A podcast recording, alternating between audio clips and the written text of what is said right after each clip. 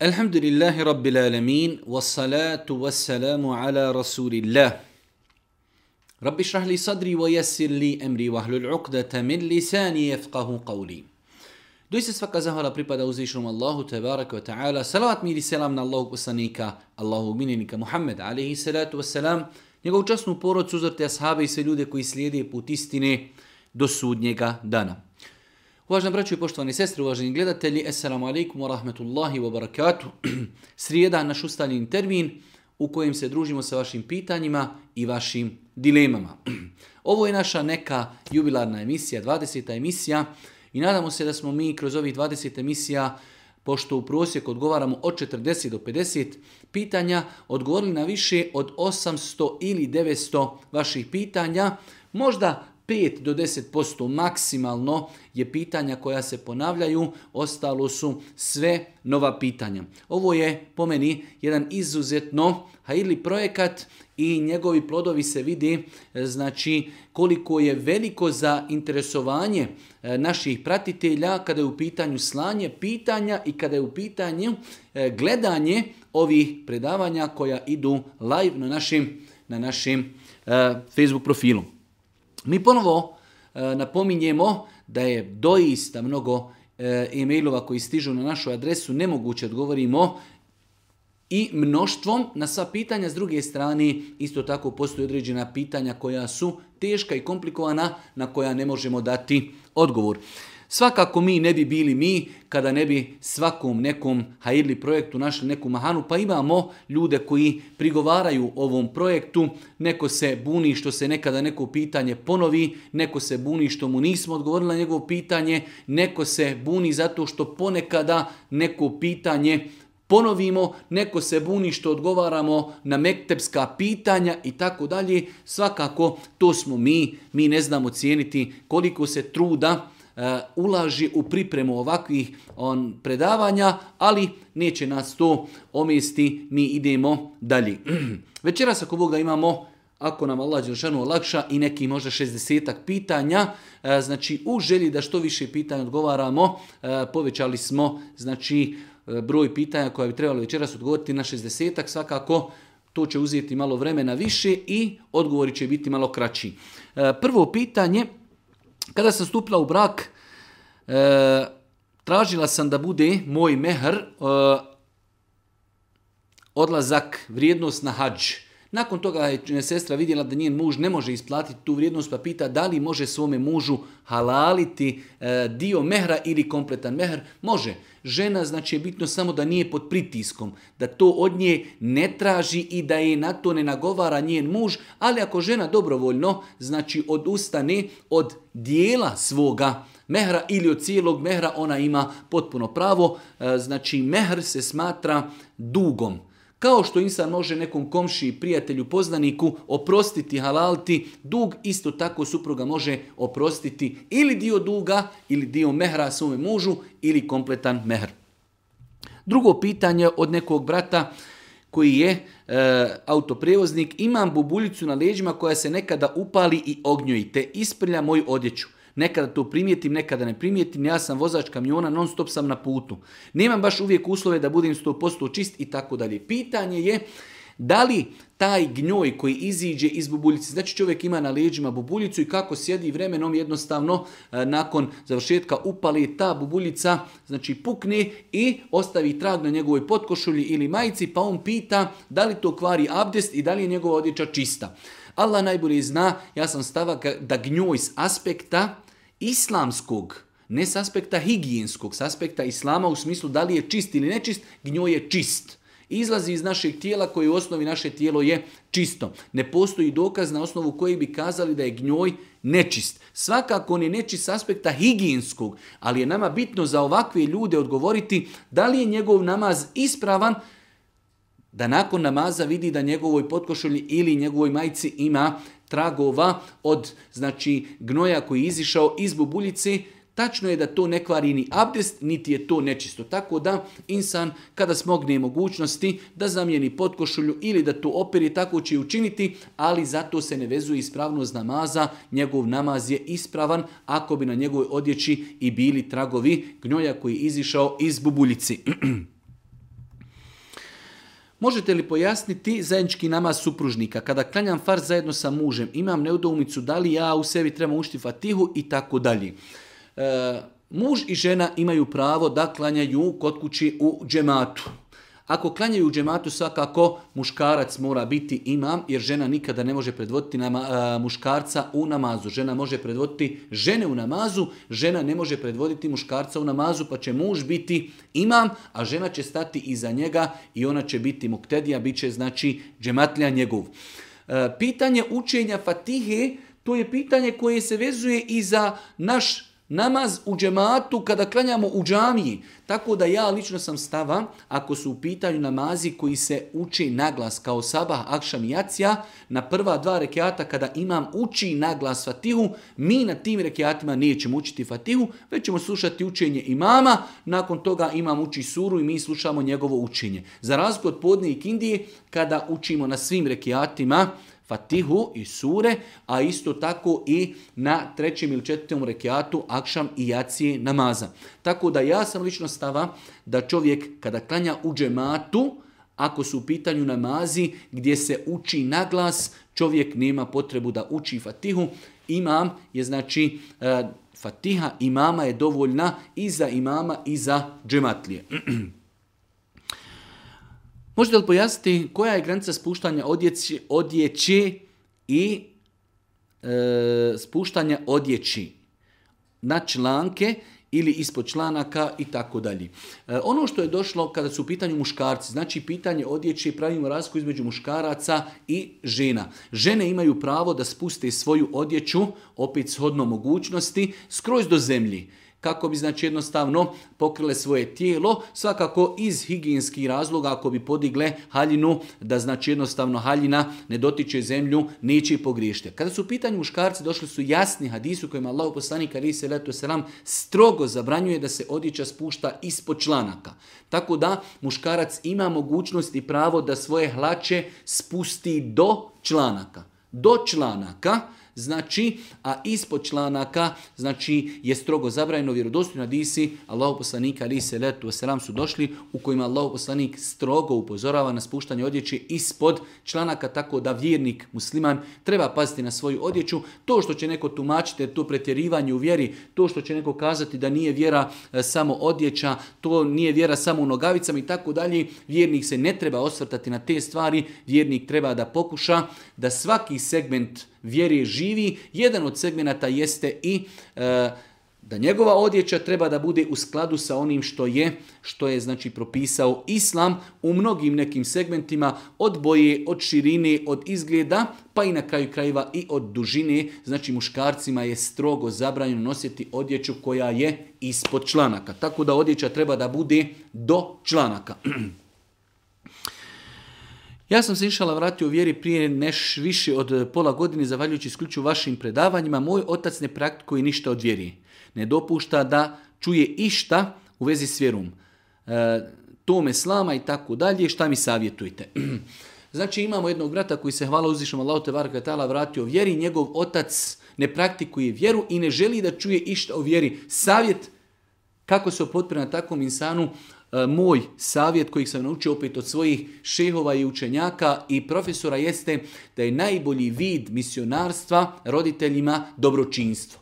Znači ako već vidimo da ljudi ne žele da slušaju o vjeri, onda ćemo i mi praktično pokazati šta je islam. Naše obhođenje prema ocu, prema majci, prema komšiji, naša tačnost, naša ozbiljnost, naša, naše dobročinstvo i tako dalje. Znači trebamo im islam prikazati praktično, pogotovo kada u pitanju dobročinstvo prema roditeljima, tu trebamo poseban akcent da e, znači uradimo da što više dobročinstva činimo svojim roditeljima, to je ono što mi možemo u tom momentu da uradimo.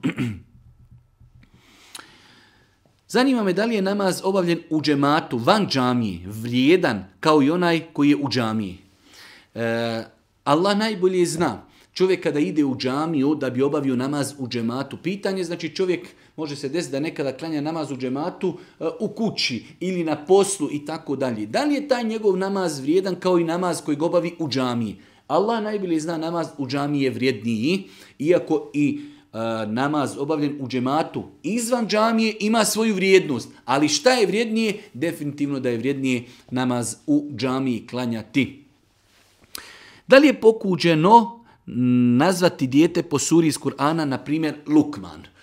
E, Lukman, Lukman u osnovi je osoba, e, insan bogobojazan, E, čedan, moralan, insan, mudar, koji je uzvišen Allah spomenu spomenuo u Kur'anu i po njemu je dao ime jednoj kur'anskoj suri. Pa kada mi nadjevamo svome djetetu ime Lukman, ne nadjevamo mi ime po suri, već mi nadjevamo po čovjeku i po njegovom imenu, tako da nema nikakve smetnje znači da se djetetu da ime Lukman, jer je Lukman znači spomenut u Kur'anu i Allah najbolje zna to je bio pobožnjak, učenjak, e, insan mudar i njegove mudrosti i njegovi savjeti koji je davao svome sinu su spomenuti u Kur'anu, tako da nema nikakvi smetnji da se da djetetu ime Lukman, jer su islamski učenjaci u osnovi spomenuli kada se odabire ime djetetu da se daju poslanička imena, pa da se daju imena ashaba, pa između ostalog i da se daju imena u učenjaka i pobožnjaka.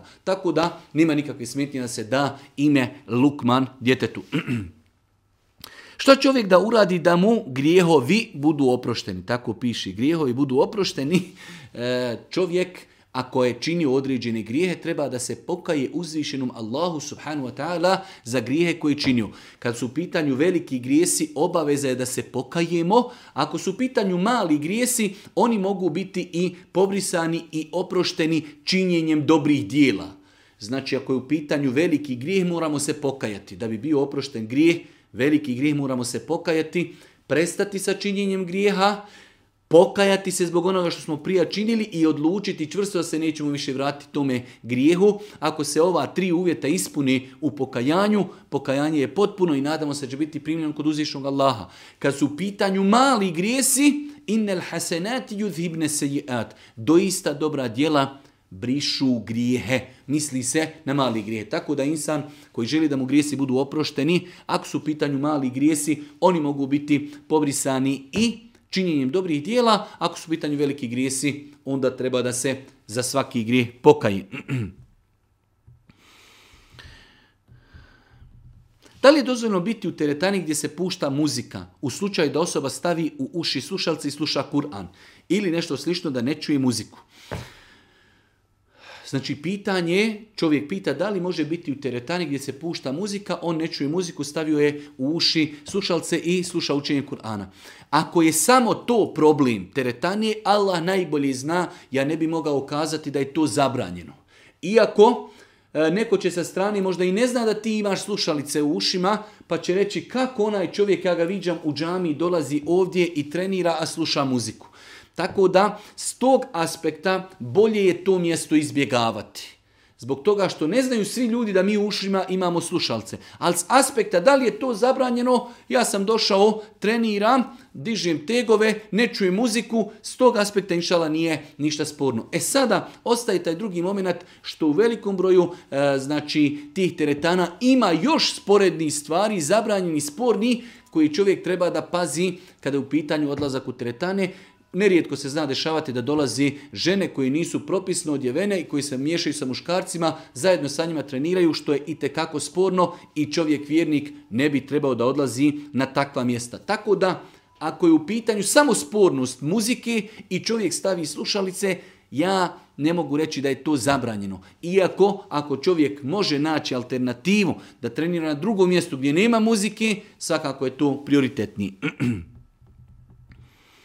Da li je Allah poslanik obavljao fizički poslove i možete li zato navesti primjer? Definitivno, Allah poslanik ali se se nam je bio znači kao i da kažemo svi drugi ljudi imao je svoje fizičke aktivnosti gdje njegove supruge kažu Allahu poslanik nam je pomagao u kući, Allahu poslanik je ušivao odjeću, Allahu poslanik je muzao koze, Allahu poslanik kopa sa sahabima hendek. Treba li veći fizički posao nego e, kopanje hendeka? U onim poznatim rodostim hadisima da je Allahu poslanik znači, sa krampom razbijao stijene koje sahabi nisu mogli razbijati. Tako da definitivno Allahu poslanik je radio fizičke poslove, ali to nije bila njegova glavna preokupacija. Bio je zaokupiran pozivanjem ljudi u islam, odvraćanje ljudi od, e, od grijeha, vođenjem države i tako dalje, predvođenjem ljudi u namazu. E, sve su to neke obveze koje je Allah poslanik radio, ali u sve to svakako da je Allah poslanik radio i određene fizičke poslove. Da li je dozvoljeno masturbirati ako sam u pubertetu 13-14 godina? Veoma često nam dolaze pitanja o mladinaca koji pitaju eh, o masturbiranju ili o nanisanju. Eh, s aspekta islama, islamski učenjaci, većina islamskih učenjaka, Džumhur je smatrao da je onanisanje zabranjeno.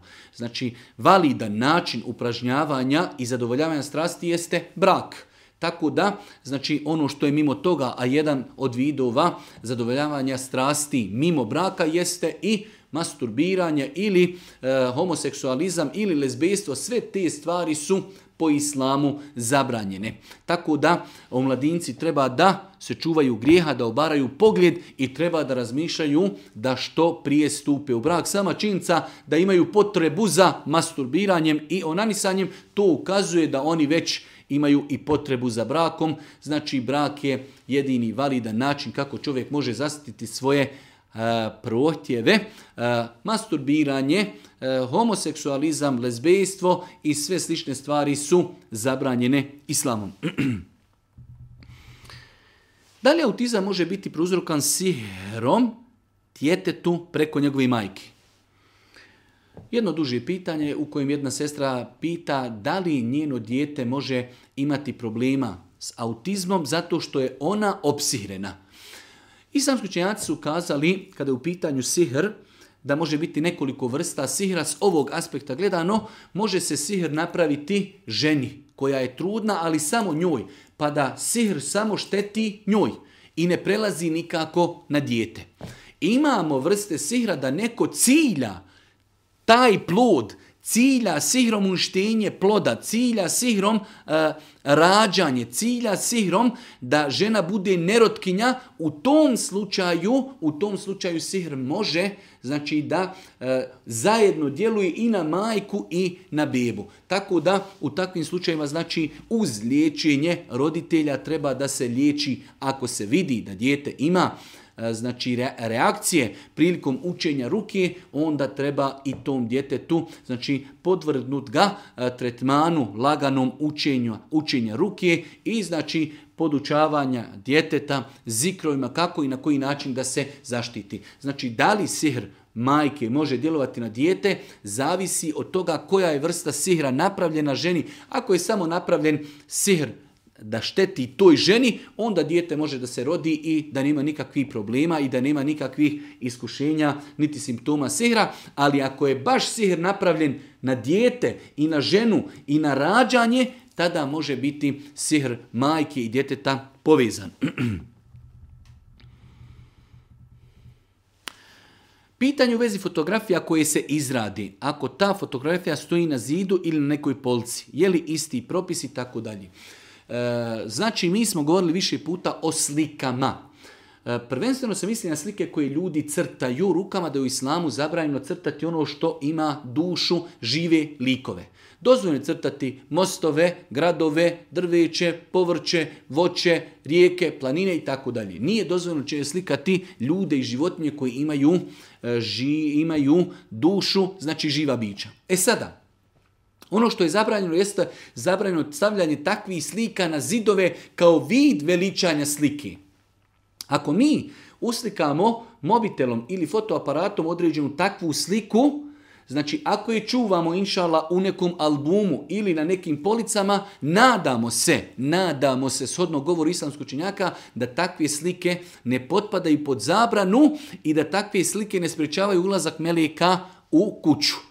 Za razliku od slika, bez obzira bile naslikane, nacrtane rukom ili uslikane fotoaparatom, ako na njima imaju živa bića, ako ih stavimo na zid, tada to sprečava ulazak e, meleka u kuću. Znači kada je u pitanju propis, bez obzira da li mi uslikali sliku fotoaparatom ili mi nacrtali živo biće, znači ako to stavimo na zid, to sprečava ulazak meleka u kuću. U firmi u kojoj radim imamo kasu koju mogu, možemo odvajati novac i tako štediti. Pa ako uštedimo 1000 maraka možemo uzeti dvostruko ili tri puta više, ali kada vraćamo, vraćamo uz 2% kamati. Da li je dozvoljeno uzimati takvu pozajmicu? Nije. Čista standardna kamata, znači imamo ljude u nekoj firmi koji su organizirali, svi štede zajedno, možeš podići onoliko koliko ti imaš imetka i duplo toliko. U redu. To bi trebao da taj bude neki fond gdje ljudi nemaju potrebu za kamatom. Ako imaju potrebu za administracijom, onda trebaju da kažu ljudima uz štednju plaćate još pet maraka da možemo pokriti administrativne troškove. Ali ne može se reći platit ćeš 2% kamate, onda je to zabrana. Takvi fondovi treba da se oživljavaju, da se udruže ljudi u jednoj firmi, u jednom džematu, u jednom mjestu i da zajedno imaju fond gdje štede, napravi pravilnik i onda daju ljudima pozajmice bez kamati. Ako imaju potrebu dodatnu administrativnu, onda svima kažu treba svako da da marku ili dvije ili tri da bi e, plaćali administrativne troškove, blokiće ili ne znam nija nekog blagajnika i tako dalje. Tako da ako se odredi na pozajmicu procenat kamati, svakako da je zabranjeno uzimati takvu pozajmicu. Ja ne pušim, međutim moja majka i brat koji su kod mene u gostima, pošto oni nemaju para, ja im kupujem cigare. Jel to dozvoljeno? Nije dozvoljeno. Allah Žešanu kaže u Potpomažite se na dobročinstvu i bogobojaznosti. Nemojte se potpomagati na grijesima i na zlu. Ako mi kažemo da je duhan haram, Samim tim sve ono što vodi ka tome je haram. I prodavati duhan je haram i kupiti ga haram i kupiti ga nekom drugom kao poklon je haram. Tako da, znači insan koji ne konzumira duhan treba da ljudima prijateljima, poznanika kaže, kaže ja smatram da je to haram i ja vam to niti mogu kupiti za vaše pare, niti vam mogu kupiti za svoje pare. Imam jedno dilemu Jednom ste u vašem postu o šehidima i tako dalje govorili da je šehid onaj ko se utopi u vodi. Da li se, da li se time misli samo na ljude koji su učestvovali ratu i tako dalje? E, ne misli se, znači, Allah poslanik ali se letu sram spomenuo je da određene kategorije ljudi će imati nagradu šehida na sudnjem danu. Između ostalog je spomenuo osobu koja se utopi osobu koja se utopi da ima nagradu šehida. Nije rečeno ko se utopi u ratu, ne. Znači ljudi koji odu na kupanje, odu znači jednostavno na more i neko se utuši od njih. Svakako da se ovdje podrazumijeva da ta osoba treba da bude musliman, treba da je klanjala, treba da posti, da bi mogla dobiti nagradu, nagradu šehida na sudnjem danu. Ono što je nama bitno, da li je nagrada e, tog šehida specifična za osobu koja bi se samo utopila u ratu ili općenito, hadisi su općenito karaktera, pa kažu islamski učenjaci u svojim fetvama, da znači svi oni koji se utopi, a bili su muslimani, imaći ako Bog da nagradu šehida na sudnjem danu. Svakako mi se na Dunjalku prema njima obhodimo kao ljudima koji nisu umrli kao šehidi, jer znamo da se šehidi koji su poginuli u ratu, oni, sa njih se ne skida odjeća i oni se ne kupaju, znači, za razliku od insana koji je, primjer radi, utopio se, mi ćemo ga, znači, okupati, zamotati u čefine, mi ćemo mu klanjati dženazu, ali on ima nagradu šehida na sudnjem danu. Moja čirka je punoljetna šerijetski i studentica je. Pomaže učenicima i tako dalje, znači davanje instrukcija pa je pitanje da li ona može davati instrukcije muškarcima od 15 godina pa nadalje. Znači, Allah najbolje zna, neispravno je. Znači, ako imamo ženu koja daje instrukcije, ona treba da daje instrukcije ženskoj djeci. Muškoj djeci treba da daje i muškim studentima instrukcije muškarac. Tako da, odgovor znači, neispravno je da se e, studentica osamljuje sa muškarcima s ciljem davanja instrukcija. Neispravno je da se studentica žensko osamljuje sa muškarcima, studentima, kako bi im davala instrukcije. Žena, znači žensko, studentica treba da daje instrukcije ženskoj djeci, muško treba da daje instrukcije muškoj djeci. Ako može odgovor u vezi sihra, šta će se desiti sa onima koji se bavi sihrom i tako dalje. E, islamski učenjaci su kazali e, da postoje dvije vrste za ljudi koji se bavi sihrom. Oni ljudi koji čine nevjerstvo u svome sihru. Da li dijelima, da li uvjerenjem. Takvi ljudi su počinili dijelo kufra i za njih je pripremljen džehennem. Znači imamo ljude koji na putu sihra čine nevjerstvo. Da li, znači imamo dvije vrste nevjerstva u ubjeđenjima ili u dijelima. Bilo koju vrstu da počine, oni su nevjernici. Ljudi koji sarađuju sa džinima, za razliku imamo drugu vrstu sihribaza, to su prevaranti. Nemaju oni nikakve veze ni sa džinima, ni sa šetanima, ali ljudima prodaju maglu, prodaju tisovnu, prodaju zapise i tako dalje. Nemaju nikakve veze sa znači džinima, niti čine dijela nevjerstva. Takvi ljudi čine ogroman veliki grijeh, ali nisu time izišli, iz, izišli iz islama. Pa znači, da li je sihribaz nevjernik ili ne, vraća se na način njegovog sihra da li on prilikom sihra je počinio nevjerstvo u dijelima ili u vjerenjima. Ako jeste, onda je to nemusliman, nevjernik, dijelo koje izvodi iz islama. Dok imamo drugu vrstu ljudi koji se bave, to su prevaranti. Prevaranti, najbolji termin za njih su prevaranti, ne znaju oni ni šta su džini, ni šetani, ni saradnja s džinima, šetanima, jednostavno prodaju ljudima, prodaju ljudima maglu, takvi ljudi su veliki griješnici. E, dakle, problem sa, imam problem sa ispuštanjem vjetrova u velikoj mjeri.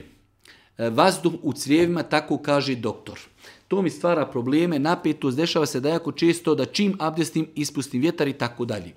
Mi smo više puta govorili da sahibi uzor može biti e, znači mokrača, može biti mezić i može biti na kraju krajeva čak i izmet znači kojeg ne može e, insan kontrolisati, a može biti ispuštanje vjetrova. Pa smo kazali da se ljudi u tom e, pitanju sajbi uzra nekoga ko ima problem, znači dijeli u dvije kategorije. Imamo ljude, odnosno osobe, bolesnike, e, čija bolest je kratkotrajna. Primjer radi, imate osoba kada je u pitanju mokrača, ako je mokriju nakon znači možda 10-15 minuta prestaje prestaje e, isticati mokrača, Takvi ljudi koji znači imaju e, periodično probleme, sačekat će taj period, nakon toga će lijepo se očistiti, abdestiti i klanjati.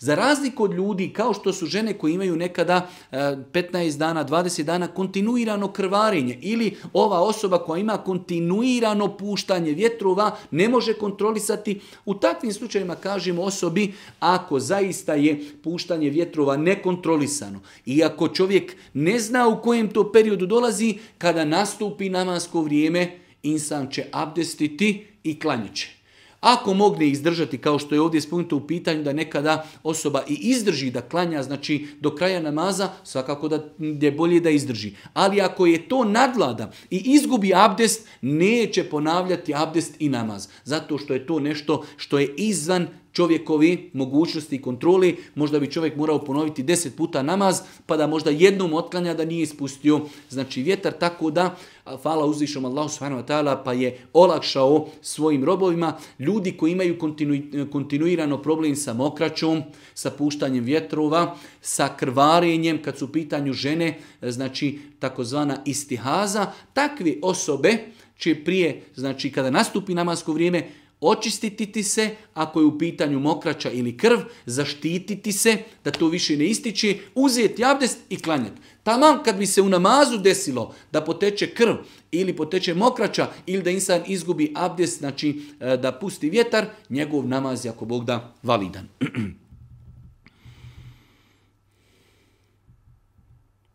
Imamo jedno pitanje našeg jednog brata koji je kaže e, prije mm, ne znam koliko mjeseci primio islam, u svakom slučaju ima problema sa sihrom. Ima problema sa sihrom. Malo manje od godinu dana sam prešao na islam, Allah me uputio i tako dalje. E, u početku je obavljao redovno namaz, već sada slabije obavlja namaz, obavlja džumu i tako dalje. E, ima problem sa gledanjem pornografije pa pita za savjet. E, Allah najbolje zna, braću, moja draga i sestre, Prva stvar koju čovjek treba kada je u pitanju bolest sihra, treba da znači u, ustabili e, temelje islama. Namaz je najbitnija stvar, jutarnji, večernji zikr. Nelogično je da mi idemo kod nekoga da nam uči rukju, da tražimo pomoć i nakon toga mi ne učimo zikrove, ne učimo Kur'an, gledamo e, ono što je zabranjeno, ne obavljamo namaz, ne čuvamo se, kao kada bi otišli kod doktora i doktor nam propiše lijekove, mi te lijekove ostavimo i kažemo valjda će ta bolest isproći. Tako da, i ako se liječimo, ako nam neko uči rukju, to nije dovoljno, to je samo ispomoć, ali mi trebamo sami sebi učiti rukju, doviti, zikr jutarnji, večernji, namaz, izbjegavanje grijeha, muzike, nargile, duhana i tako dalje. Tako da, znači u ovom slučaju savjet ojačati svoj namaz, ustabiliti namaz, e, Jutarnji večernji zikr, čuvanje od lošeg društva, čuvanje od harama od kojih su duhan, alkohol, nargila, alkohol, sve te stvari, vjerujte sve te stvari i te kako su podvodno, e, plodno i pogodno tlo za djelovanje džina i šeitana. Da li je sporno moliti Allaha da nas e, zbliži s nekom osobom koja nas se sviđa e, s ciljem braka? E, u svakom slučaju, kazali su islamski učenjaci da nima smetnje da čovjek u svojoj dovi moli Allah da mu olakša da oženi određenu osobu.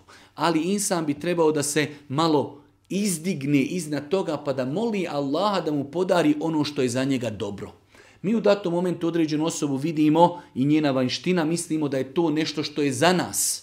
Zato je došlo istu, u istihari, kada se klanja istihara, da čovjek moli, o gospodaru, molim te iz tvoga znanja. Ako je ovo dobro za mene i moj dunjalk i ahiret, to mi olakšaj. Ako je zlo za mene i moj ahiret i dunjalk, to uh, odalje od mene. Pa insan, znači, prioritetnije je da moli Allaha te ta'ala da mu podari ono što je za njega dobro ili da ga moli da kaže gospodaru ako je hajr za mene da sa tom djevojkom stupim, znači u brak, onda mi to i olakšaj. Pitanje da li je dozvoljeno operisati uši ako su klempave? To je jedno savremeno pitanje. Ova pitanja nisu bila poznata možda u zadnjih 30 godina. E, postavljaju se u savremenom dobu učenjacima islama, da li je dozvoljeno da čovjek operiše uši koje su, znači jednostavno pogete naprijed, to naš narod zove klempave, ne znam da li postoji neki drugi izraz za to. Uglavnom, islamski učenjaci su kazali, ako to doista insanu e, pravi problem, znači psički, imate ljudi, mene možda prije godinu dana zvao jedan momak koji baš ima ovaj problem, gdje sam ja vidio koliko je teško tom insanu e, nositi se sa tim do te mjere da on razmišlja o samoubistvu i tako dalje, gdje sam ja onda e, analizirajući njegov stanje rekao njemu nema smetnje da ti uradiš tu operaciju jer jednostavno on je toliko psihički bio e, posrnuo da ga je to toliko znači tištilo da on jednostavno više nije vidio znači svoj život nikako Zbog, hajde da kažemo, te pojavi. Iako u osnovi insan bi trebao da bude zadovoljan sa onim što mu je Allah dao, da tako živi,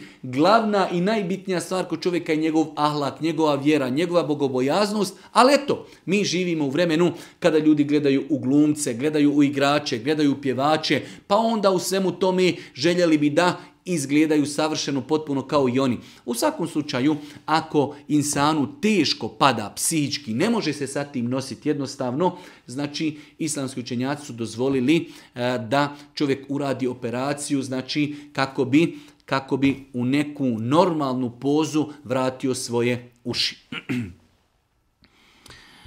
Živim i radim u Americi, svaki mjesec uplaćujem 4 od od svoje plate za penziju i tako moj šef još od sebe doda 4%. To se zove 401k. Ne znam, nisam prvi put to čujem. Zanima me da li je to dozvoljeno u islamu. Allah najbolje zna, nema ništa sporno u i to je jedan vid štednje. Znači čovjek se obavezao da će od svoje plate odvajati 4 od a i e, vlasnik ili šef firme se obavezao da će i on toliki iznos isto odvajati da to bude čovjeku kao neka penzija kada završi on posao da dobije tu neku, nazovimo je, otpremninu ili da ima dne na svome nekom žiro računu, bankovnom računu, određenu svotu novca da bi mogao da živi od toga. Tako da, nadam se, ako Bog da, da u tome nema ništa loše. da li je dozvoljno zlatni lančić? i narkvicu muškarcu muslimanu. E, kada u pitanju zlato, zlato je generalno zabranjeno muškarcu. Znači zlato je zabranjeno generalno da ga nose muškarci, bez obzira bilo bijelo ili žuto ili crveno zlato. Svaka vrsta zlata je muškarcima zabranjena. Muškarcima je dozvoljeno da nosi srebreni prsten srebreni prsten. Tako da kada je u pitanju zlatni lančić ili narukvica, muškarcu je sigurno zabranjeno. Sada ostaje govor da li je dozvoljeno muškarcu da nosi srebreni lančić i srebrnu narukvicu. Ja lično sam stava da je to bolje izbjegavati jer je to jedan vid oponašanja žena. Allah najbolji zna opet, ne, ne tvrdim kategorički, ali svojstveno je ženama da one nosi e, znači, narukvice, da nosi lančiće, da nosi ogrlice, tako da muškarci nemaju zatim potrebu, tako da je moj savjet, znači čak ni srebreni lančić ili narukvica ne treba da se nosi, E, znači ako muškarac želi neki ukras, onda je to dozvoljeno srebreni prstin, a kada je u pitanju zlatni lančić i zlatna naruknica, oko toga znači nema spora da je to zabrajno. da li su dozvoljena energetska pića? Ala najbolje zna osnova u takvim pićima, mi stvari uvijek vraćamo na temelje, na osnove. Osnove da su ta pića halal. Sve dok se ne potvrdi da šteti ili da u njima ima nešto što je zabranjeno. Onog momenta kada se potvrdi da doista šteti, jasno šteti ili da u njima imaju e, sastojci koji su zabranjeni islamom, tada znači e, izuzimamo iz općeg propisa dozvoli zabranu uzimamo na osnovu štetnosti ili na osnovu ili na osnovu sastojka koji je zabranjen. Ono što sam čitao u fetvama islamskih činjaka da energetska pića u osnovi su dopuštena. U osnovi su dopuštena. Pitanje e, čovjek na poslu praktikuje islam, ali kaže radi u Njemačkoj i većina radni kolega koji radi sa mnom su pravoslavci i katolici. Hvala Allahu, nemam problema kao muslima među njima, ali imam problem, e, problem kada nešto pričaju i mnogo psuju. Pa ne zna čovjek kako da se više ponaša. E, standardno je, znači mi znamo, to jeste, to je odlika nas Balkanaca generalno, a pogotovo, pogotovo znači ima velik broj i muslimana, ali dosta i nemuslimana, znači kod njih su uzrečice i ovdje čovjek i navodi psovanje Boga, psovanje Isusa, znači jednostavno imate ljudi koji ne osjete da psuju. Toliko su ogrezli u tome da je to njima postala uzrečica psovanje Boga, psovanje Isusa, psovanje svjetinja i tako dalje. Ono što čovjek može jeste da te ljude upozori, da im kaže ljudi ja sam vjernik, to mi smeta, možete li pokušati da to izbacite iz svog vokabulara, znam da je to više teorija nego nešto što će oni uspjeti da izbaci iz svoga vokabulara. To je ono što on može i može kada to čuje da to prezire srcem, jer Boži poslanik Ali Selatu Sram je kazao kada neko od vas vidi neko zlo, neka reaguje, znači neka ukloni svojom rukom i to se u većini slučajeva odnosi na vladara ili čovjeka koji ima mogućnost da reaguje u svojoj kući. E, ako ne može, kaže rukom, onda će reagirati jezikom, ako ne može jezikom, onda će to prezirati srcem. Tako da u ovom slučaju čovjek treba da upozori takvi ljude, kaže ja sam musliman, e, svetinje, ne, bi, ne, ne želim da čujem da se psuje i da se vrijeđa, Znači, nakon toga ako se to bude ponavljalo, čovjek može znači da to prežiri srcem. To je ono što u takvim situacijama čovjek može da uradi. Da li je zabranjeno nositi piercing na nosu? Govorili smo nekoliko puta u našim emisijama da nema smetnji. Kažu islamski učenjaci, ako se to radi s ciljem ukrašavanja, a ne s ciljem slijeđenja i oponašanja nevjernica, da to e, je dozvoljeno u islamu. I e, sada ostaje da je to ukras. A ženama je zabranjeno prilikom izlaska iz kuće da pokazuju svoje ukrase, tako da žena koja ima piercing, E, u nosu e, ili će nositi nika prilikom izlaska iz kuće ili će uklanjati taj piercing ako ne nosi nika pošto je to ukras. Tako da znači e, ukrašavati se svome mužu noseći piercing je dozvoljeno, ali pošto je to ukras, onda to žena prilikom izlaska iz kuće, znači treba da E, zaštiti, da pokrije, da ne bude vidno za muškarce, to se može učiniti nikabom ili će uklanjati, sklanjati taj piercing prilikom izlaska iz kući. Ne treba insana ovdje to pitanje, pošto vidimo da pokrivene žene to radi i tako dalje. E, praksa pokrivenih žena i ljudi sa bradom nije u islamu. Tako da e, vidjet ćemo mi mnoge pokrivene žene da nose, da nose helanke, da nose turbane, da su našminka, ne slušaju muziku. Da li je to dokaz? Nije dokaz. To što neka žena pokrivena ima piercing u nosu, izlazi iz kuće na takav način, to nije dokaz da je to dozvoljeno. Znači mi smo kazali stav islama da je to ukras, žena koja želi da se na taj način ukrašava svome mužu, može da to uradi, ali prilikom izlaska iz kuće treba da to znači bude pokriveno, da nije vidno muškarcima, to se može postići nikabom, a znači ili uklanjanjem piercinga prilikom izlaska iz kuće. Javila nam se jedna sestra E, želio sam sam da pročitam njen e-mail, hvala uzvišnom Allahu, e, kako je naš e-mail postao neko mjesto gdje ljudi kada imaju potrebu, jave se, pa je ona spomenula da je u bolnici, e, da ima operaciju, trenutno je u hajzu, kada završi operacija mora će nekoliko dana ostati u bolnici, ne može se okupati, šta će u takvoj situaciji da uradi, pa smo joj kazali, znači dok ne bude imala mogućnost da se okupa, klanja će sa tejemumom. Tako da hvala uzvišom Allahu, pa opet pročitali smo samo ovo pitanje iz razloga e, da e, ovaj naš e-mail je postao prepoznatljiv, da ljudi kada imaju potrebu e, javljaju se na njega i dobiju, alhamdulillah, odgovor. Znači, žena koja je u bolnici, u mjesečnici je, ima znači operaciju, morat će nakon operacije ostati nekoliko dana da leži, a nema mogućnost da se okupa, a prestaće joj mjesečnica. Šta će takva žena uraditi nakon što prestane mjesečnica? Uzet će tejemum, na osnovu tog tejemuma, e, taj temu je zamjena za gusul i zamjena za abdest i tako će ako Bog da klanjati. Pročitala sam vaš status gdje ste napisali da se vremena u kojima je zabranjeno klanjati odnosi na dobrovoljni, a ne na redovni namazi. E, pa i nakon toga naš e, postavljeno pitanje, ako osoba ima e, primjera radi E, desetak, 15 minuta prije zalaska sunca mogućnost zaklanja klanja i kindiju. Da li će i kindiju odkoditi dok sunce zađe pa da klanja ili će klanjati 15 minuta prije zalaska sunca? Obaveza, vađib, stroga obaveza klanjati prije zalaska sunca.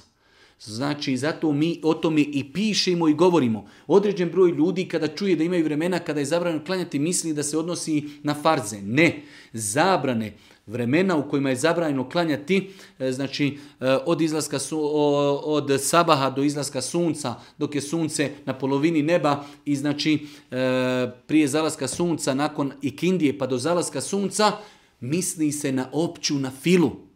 Kada su u pitanju farzi, u tom vremenu se klanja farz. Tako da insan koji je na posnu, E, ima mogućnost da 15 minuta prije ikindije, prije zalaska sunca, prije zalaska sunca klanja ikindiju. Njemu je obaveza, vađib da klanja ikindiju, nakon toga sačekat će 15 minuta kada zađi sunce klanja će akšam. Zanima me ako nas komšije ili rodbina pošalju da im kupimo bingo listić ili cigare. Kako postupiti? Postupiti da ćemo im kazati da je to haram, kako njima, tako i nama i da im nećemo to kupiti. Na lijep i blag način im kazati kladionice su haram, duhan je haram, ne može vam to kupiti, kao što to ne bi kupili sebi, nećemo kupiti ni vama.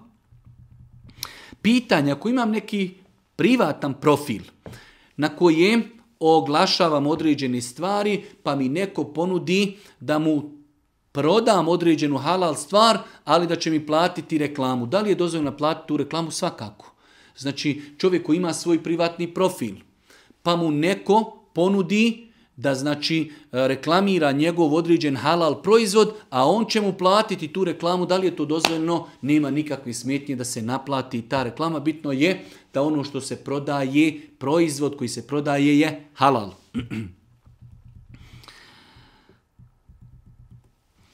pošto se dijela vrednuju po nijetu i namjerama, da li je potrebno praviti nijet za sve što radimo svaki dan ili se nijeti, nijet pravi samo za veći radnje.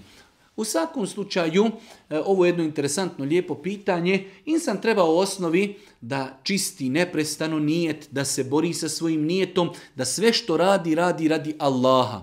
Tako da, e, to bi trebala da bude preokupacija vjernika.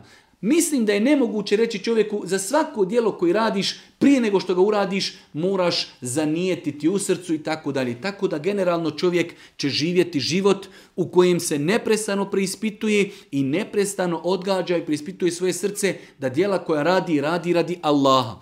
Nemoguće je da čovjek prije svakog dijela, malehnog ili velikog, očisti namjeru i svaki put kaže e, evo sada nije tim i sada ću rati djelo u ime Allaha, već čovjek treba da se trudi da odgaja svoje srce i da njegov čitav život bude znači e, sa čistim i e, ispravnim nijetom.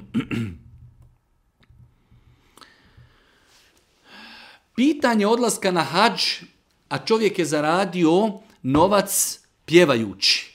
Haram muzika. E, Možda će ovo biti pitanje, odgovor teško shvatiti, ali islamski učenjaci kažu sljedeći. Način odlaska na hađ je nešto, a obavljanje hađa je nešto drugo. Tako da u ovom slučaju čovjek koji zaradio haram, pare na haram način. On ako ode sa tim parama na hađ i obavi hađ u potpunosti, on je obavio ono što ga je Allah zadužio da jednom u životu obavi hađ. Da li će mu hađ biti primljen, to je nešto drugo. E, pare s kojima je otišao definitivno su pare koje su haram. Trebao je da obezvijedi sebi halal novac kojim će otići na hađ. Ali da li je hađ ispravan?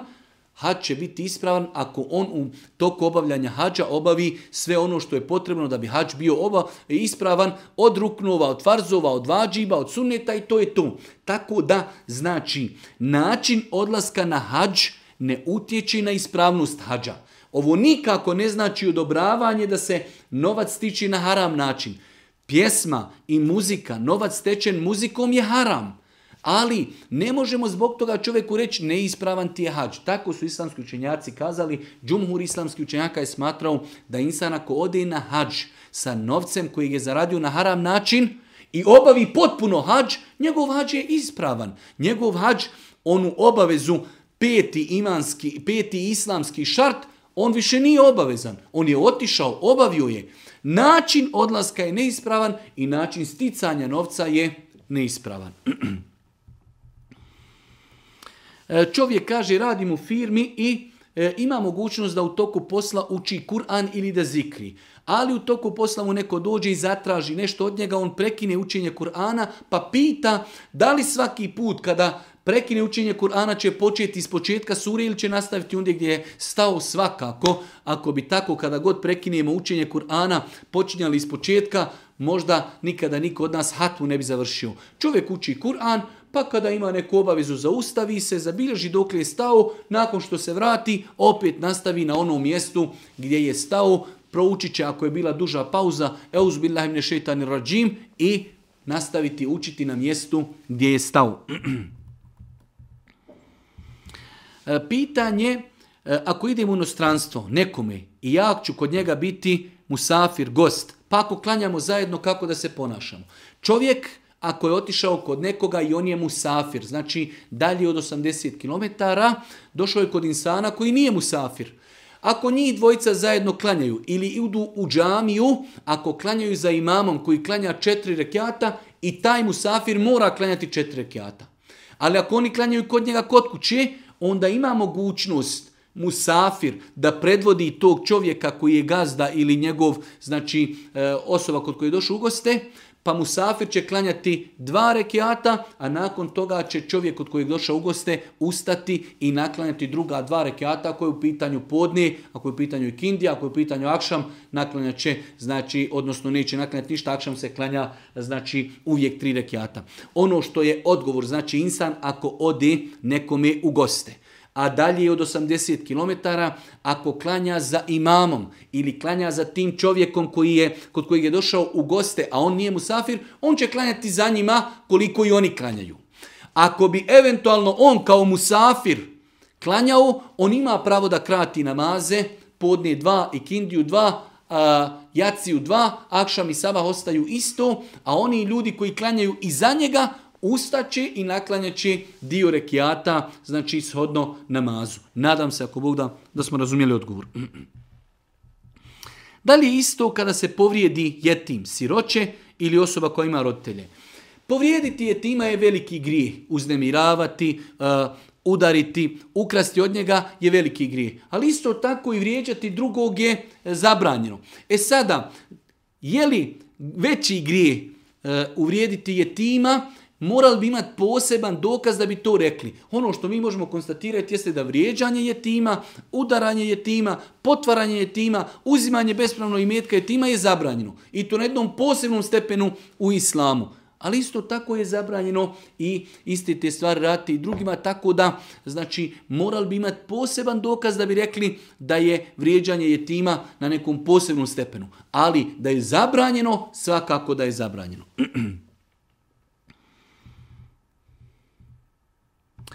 Pitanje za osobe e, koje primjera radi, mislim da smo čak o tome i govorili, e, ako osoba primjera radi nije stigla klanjati ikindiju.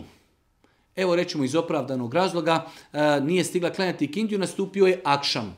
E sada, ta ikindija koja se naklanjava, po onima koji kažu da se može naklanjavati, a insan ako iz opravdanog razloga, znači zaboravio primjer radi na ikindiju, kako će se ta ikindija klanjati?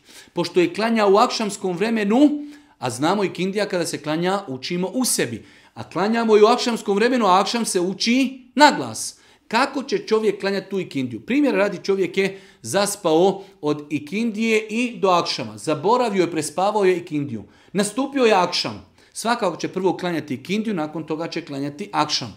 Hoće li kindiju klanjati naglas ili u sebi? Svakako da će klanjati u sebi. Ima jedno veliko fiksko pravilo gdje kažu islamski učenjaci el qada'u jahki el Kada nešto radimo nadoknadno, kada ga naklanjavamo, Činimo ga na način kako smo ga trebali raditi onda kada je propisano. Tako da u ovom slučaju, ako se desilo da neko prespava i kindiju, nastupio je akšam, on će prvo klanjati kindiju pa akšam. Kako će klanjati kindiju? Učit će u sebi, a kada bude klanjao akšam, ući će na glas. Tako da znači, kada se naklanjava određen namaz, on se naklanjava na način onako kako je trebao da se izvodi u vremenu kada je bio i propisan.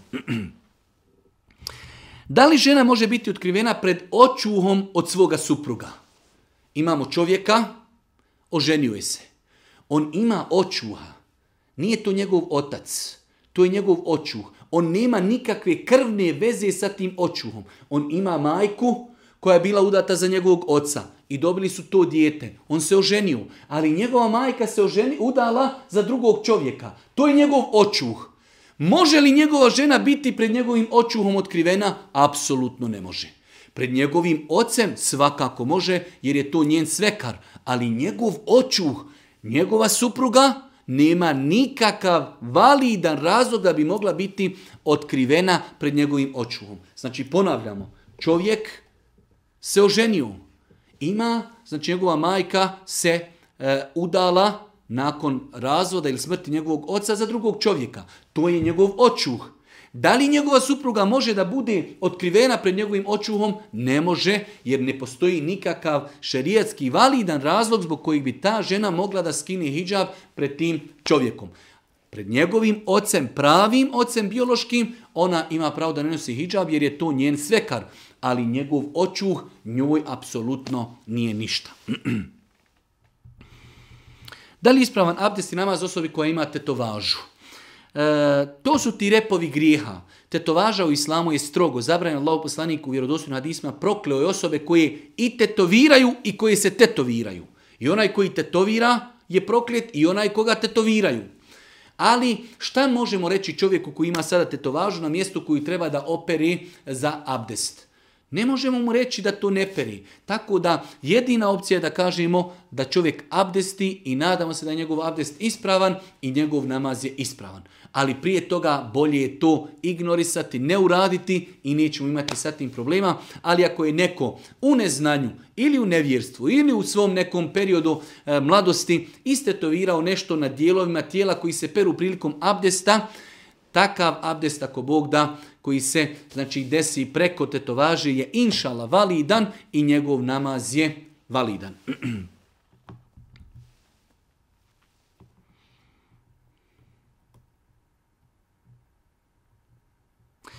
Čovjek pita ima li sporno išta da oženi ženu od koje je stariji 29 godina. S aspekta islama nema ništa sporno. S aspekta islama, islam nije ograničio koliko žena može biti starija od čovjeka ili muž od ženi. U islamu je bitno da kada ljudi ulaze u brak, da budu e, na obostrano zadovoljstvo. Žena se udaje zato što voli tog čovjeka, sviđa joj se bez obzira je li on od nje mlađi ili stariji i obrnuto. Čovjek ženi ženu bez obzira je li ona starija ili mlađa od njega. Tako da Islam to nije precizirao. Boži poslanik Ali Selatu sramo ženio je Hatidžu koja je imala 40 godina, njemu bilo 25 godina. Bila je starija od njega 15 godina. Ta stvar se više vraća na neku pod navim znacima da ga kažemo običaj naroda. Tako da ako to čovjeku ne smeta, ne smeta njenoj rodbini, njenom ocu, ne smeta što će se ona udati za čovjeka koji je stariji od nje 29 godina, našli su se e, u vjeri u nekim drugim stvarima, s aspekta islama brak je ispravan ako žena stupa dobrovoljno, zadovoljna i ako čovjek stupa u takav brak dobrovoljno i znači e, e, sa njegovim tijenjem. Da li će to oni urati, da li neće, da li će i društvo prihvatiti ili ne, to je ne, njihova stvar. Iako E, vjerujem da će biti neki koji će to negativno komentarisati. To kad uradi musliman, to je problem, ali kada to uradi e, veliki ljudi, veliki biznismeni, veliki prijesednici, veliki sportisti, veliki glumci, veliki manekeni gdje postoji između muškarca i žene po 20-30 godina razlike, to nikome ne smeta, ali ako to urade muslimani, onda to može biti poprilično sporno.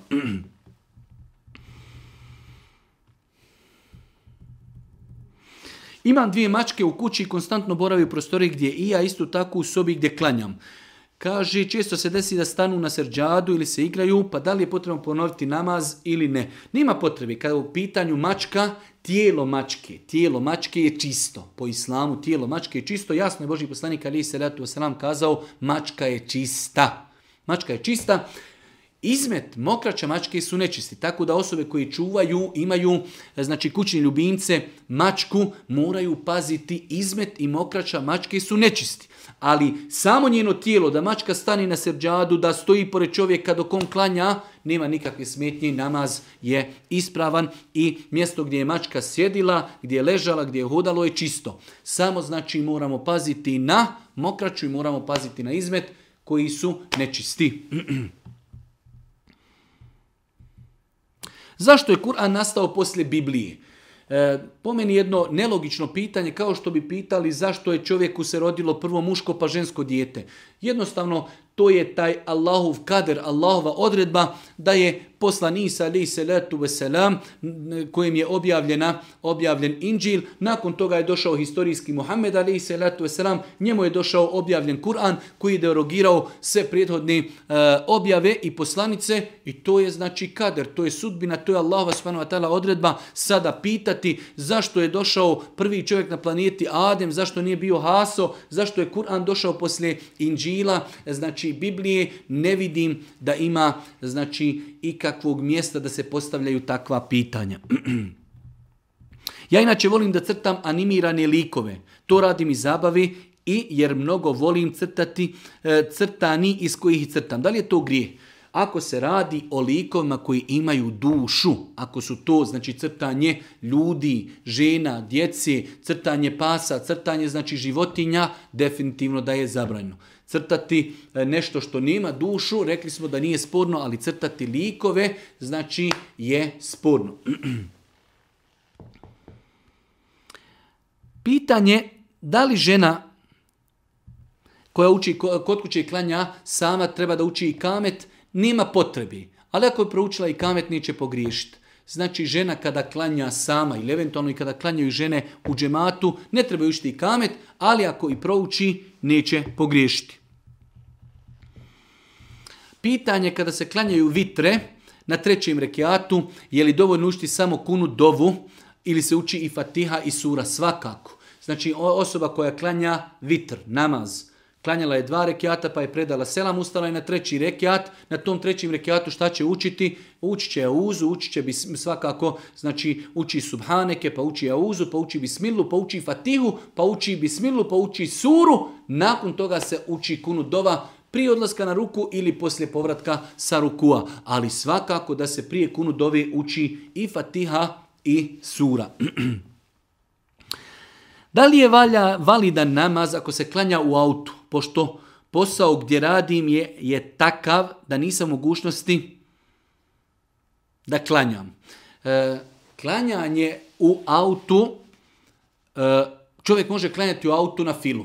Može klanjati u autu na filo, a kada je u pitanju farz, namaz, čovjek ne može klanjati u autu zato što na taj način nije stajao, a stajanje u namazu je rukn, nije činio ruku kako treba, nije odlazio na seđnu, nije sjedio na etehijatu. Tako da, znači, klanjati u autu može samo osoba, može klanjati na filu i može klanjati, znači pogotovo ako je u pitanju na fila u pokretu. Znači ako čovjek se vozi u autu, tada može klanjati na filu sjedeći, pa makar se i ne okrenuo prema kibli. Ali kada su u pitanju farz namazi, obaveza je čovjeku da klanja stojeći, znači pa onaj ko klanja u autu, pored auta će se džadu i tako će klanjati, osim u jednom slučaju, a to je ona situacija kad smo govorili avion, e, voz ili autobus, koji se ne zaustavljaju. Mi ne možemo kontrolisati njihovo kretanje. Jednostavno autobus kreće iz nekog Sarajeva u 11 i napravit će prvu pauzu u 6 sati, a već je prošla i podnik Indija. Tada ćemo mi klanjati u autobusu sjedeći na mjestu e, u kojem sjedimo, a nećemo dozvoliti da prođe namasko vrijeme. Ali u nekim normalnim uvjetima ne može se klanjati, ne može se klanjati sjedeći u autu. Imam 15 godina, zanima je da li je dozvoljeno klanjati namaz prije njegovog namaskog vremena.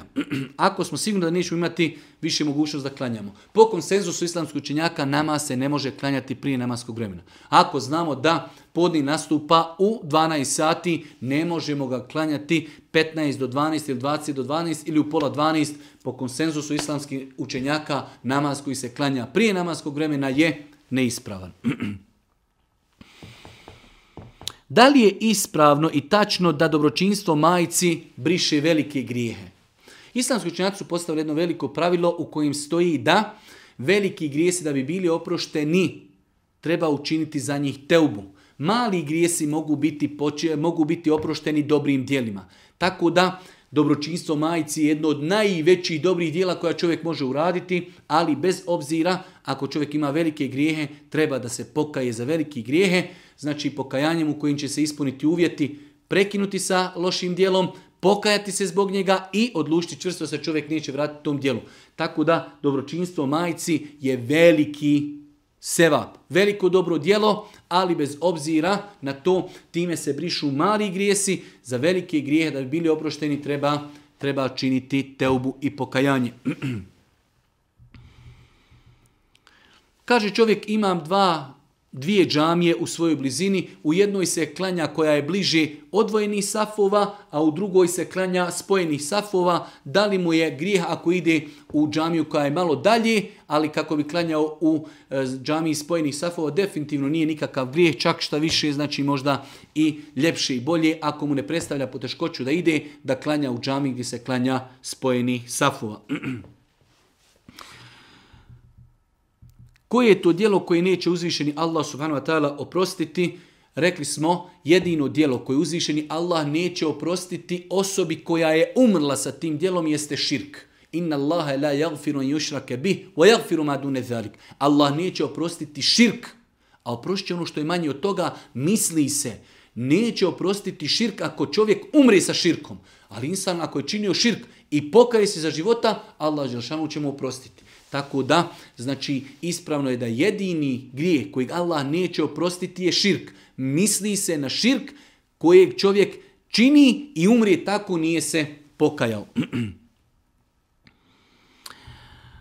Pitanje, kada mi sestre, žene, možemo klanjati podni namaz nakon džumije namaza petkom?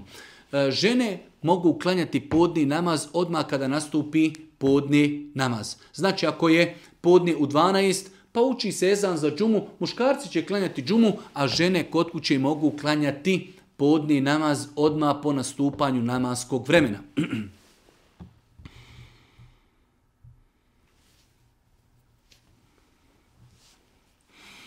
Jedna naša sestra kaže da je se pokrila, e, njen muž je savjetovao da odgodi to pokrivanje dok se i on malo ne popravi E, ona je se pokrila opet uz njegovu saglasnost, ali on i dalje čini određene grijehe kao što je konzumiranje alkohola, e, sjedi sa lošim društvom, to društvo zna nekada doći kod njega, pa traži i savjet.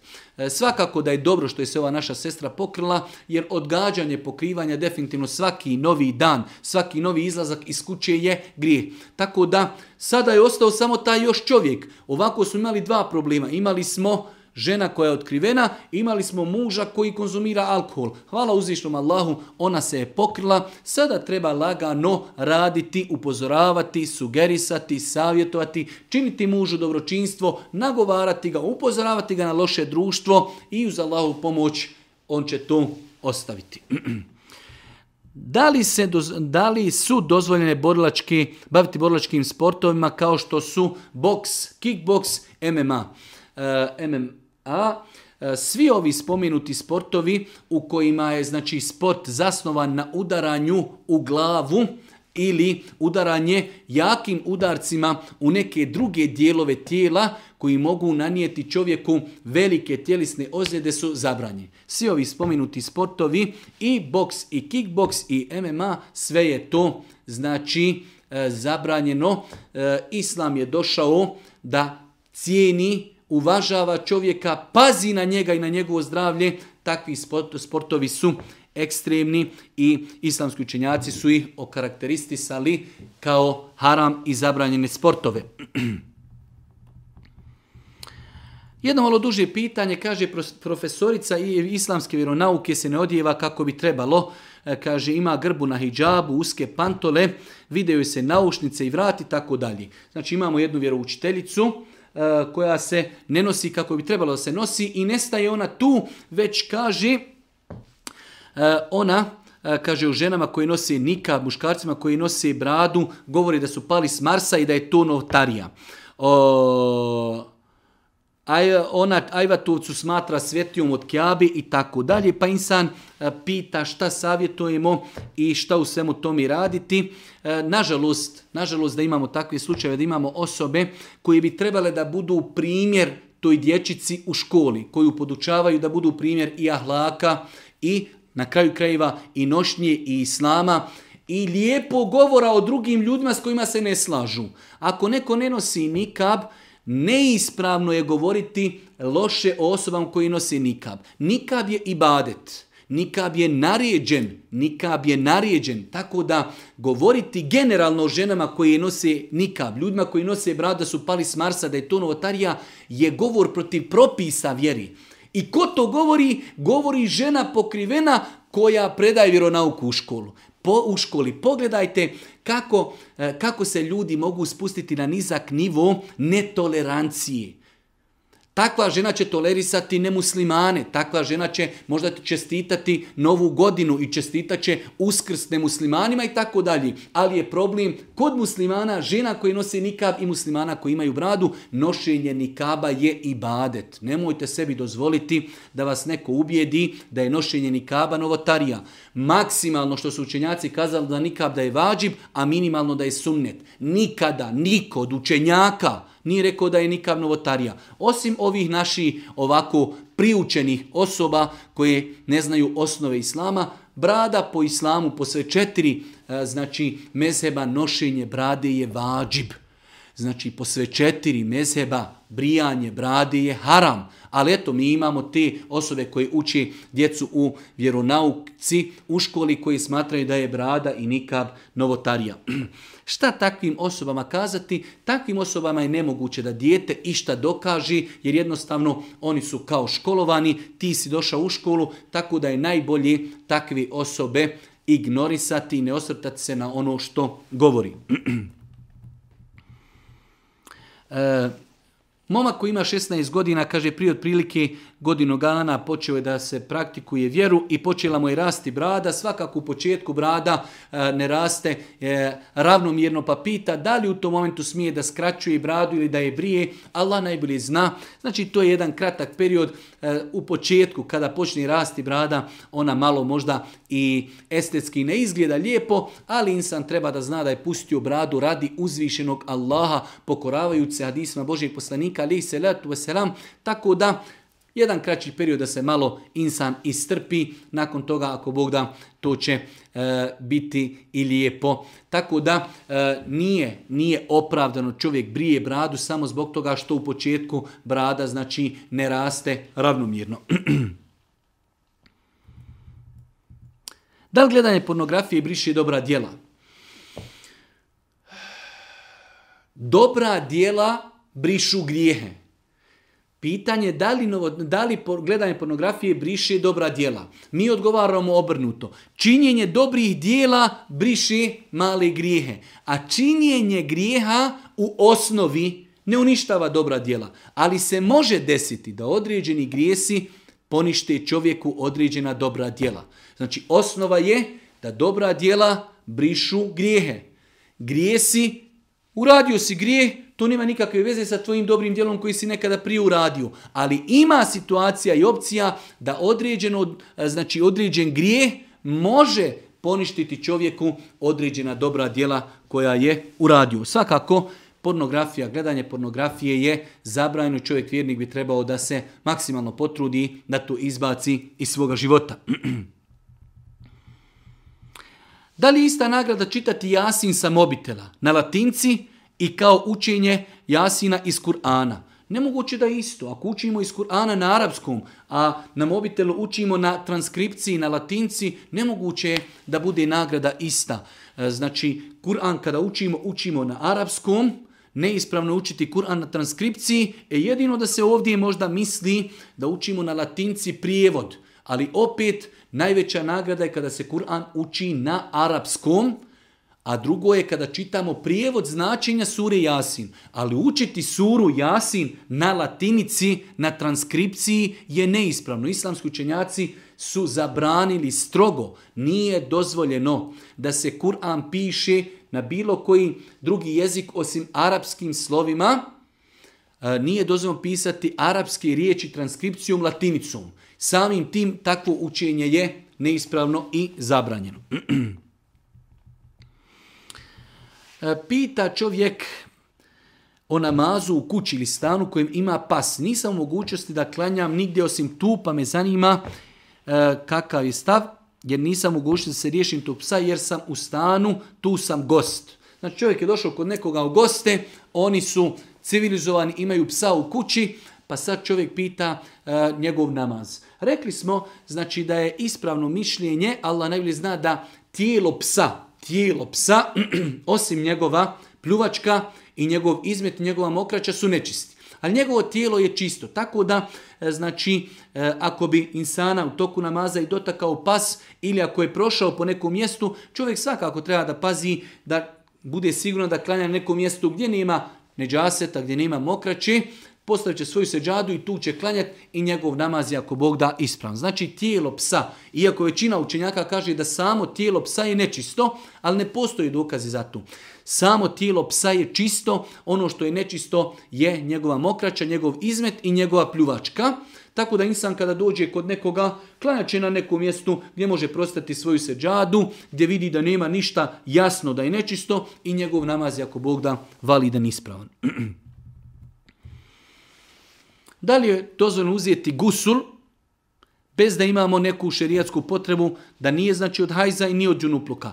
To bi se moglo nazvati u nekom e, normalnom, e, što bi rekao, žargonu, tuširanje. Znači da li se čovjek može okupati bez da ima neku šerijetsku potrebu i te kako nema smetnje shodno čovjekoj potrebi, neko se tušira svakim danom, neko svako tri dana i tako dalje. Ono što je obaveza da se čovjek okupa nakon džunupluka i čovjek i žena, žena nakon hajza da se okupa, u protivnom mimo toga mogu da se tuširaju, kupaju kada god želi i kada imaju potrebu. Zanima da li će dženetlije se sjećati dunjačkog života. Da, Znači, postoji određeni kuranski ajet u kojima Allah jasno spominje da će se dženetlije e, prisjećati određenih postupaka, određenih ljudi sa dunjalka. Da li će se sjećati svog čitavog života, Allah najbolje zna. Ali da li će se sjećati i da li će znati, apsolutno da. Postoji više kuranski ajta gdje Allah spominje da će se sjediti i da će se prisjećati određenih postupaka i određenih osoba. Čak će određene osobe koji su završile u džehennemu, Allah će im dozvoliti da ih ide vidjeti, da ih idu vidjeti u džehennemu. Tako da e, postoje jasni dokazi da će se džennetlije prisjećati svoga dunjaličkog života. Da li će se prisjećati kompletnog života ili ne, to je nešto što ne možemo govoriti bez dokaza. Zadnje pitanje, e, osoba koja E, želi da sipa kavu ili e, e, sok svojim usafirima, a među njima se nalazi i svekar i svekrva, pa kako je prioritetno da počne sipati prvo svekru ili svekrvi ili onome koje je s desne strani? Po sunnetu, s aspekta sunneta Božijeg poslanika, čovjek koji znači, dijeli kahvu, dijeli sok, vodu, piće, počinje s njegove desne strane. To je od sunneta. Ali ako će to povrijediti našeg svekra i našu svekru i napraviti nam probleme, nasućemo prvo njima kahvu i čaj, nakon toga krenuti s desne strane kako bi izbjegli spor i kako bi izbjegli probleme. Ako oni ne razumiju, ako će ih povrijediti to što nismo njima prvo nasuli, Treba da im pokušamo kazati, vidite, sunnete da idemo s desne strane. Ako vidimo da su se namrgodili, ako vidimo da im to teško pada i vidimo da su ljutiti, nasućemo prvo njima, nakon toga ćemo nasuti onima koji su s naše desne strane. Molim uzvišnog Allah subhanahu da ono što smo čuli bude korisno za nas. Molim ga subhanahu da nas poduči korisnom znanju. E, ostajte nam u svakom hajru i na kraju subhaneke Allahumma da bihamdike, šedu in la ilaha ilan stakfiruke, wa etubu ilik. Ah.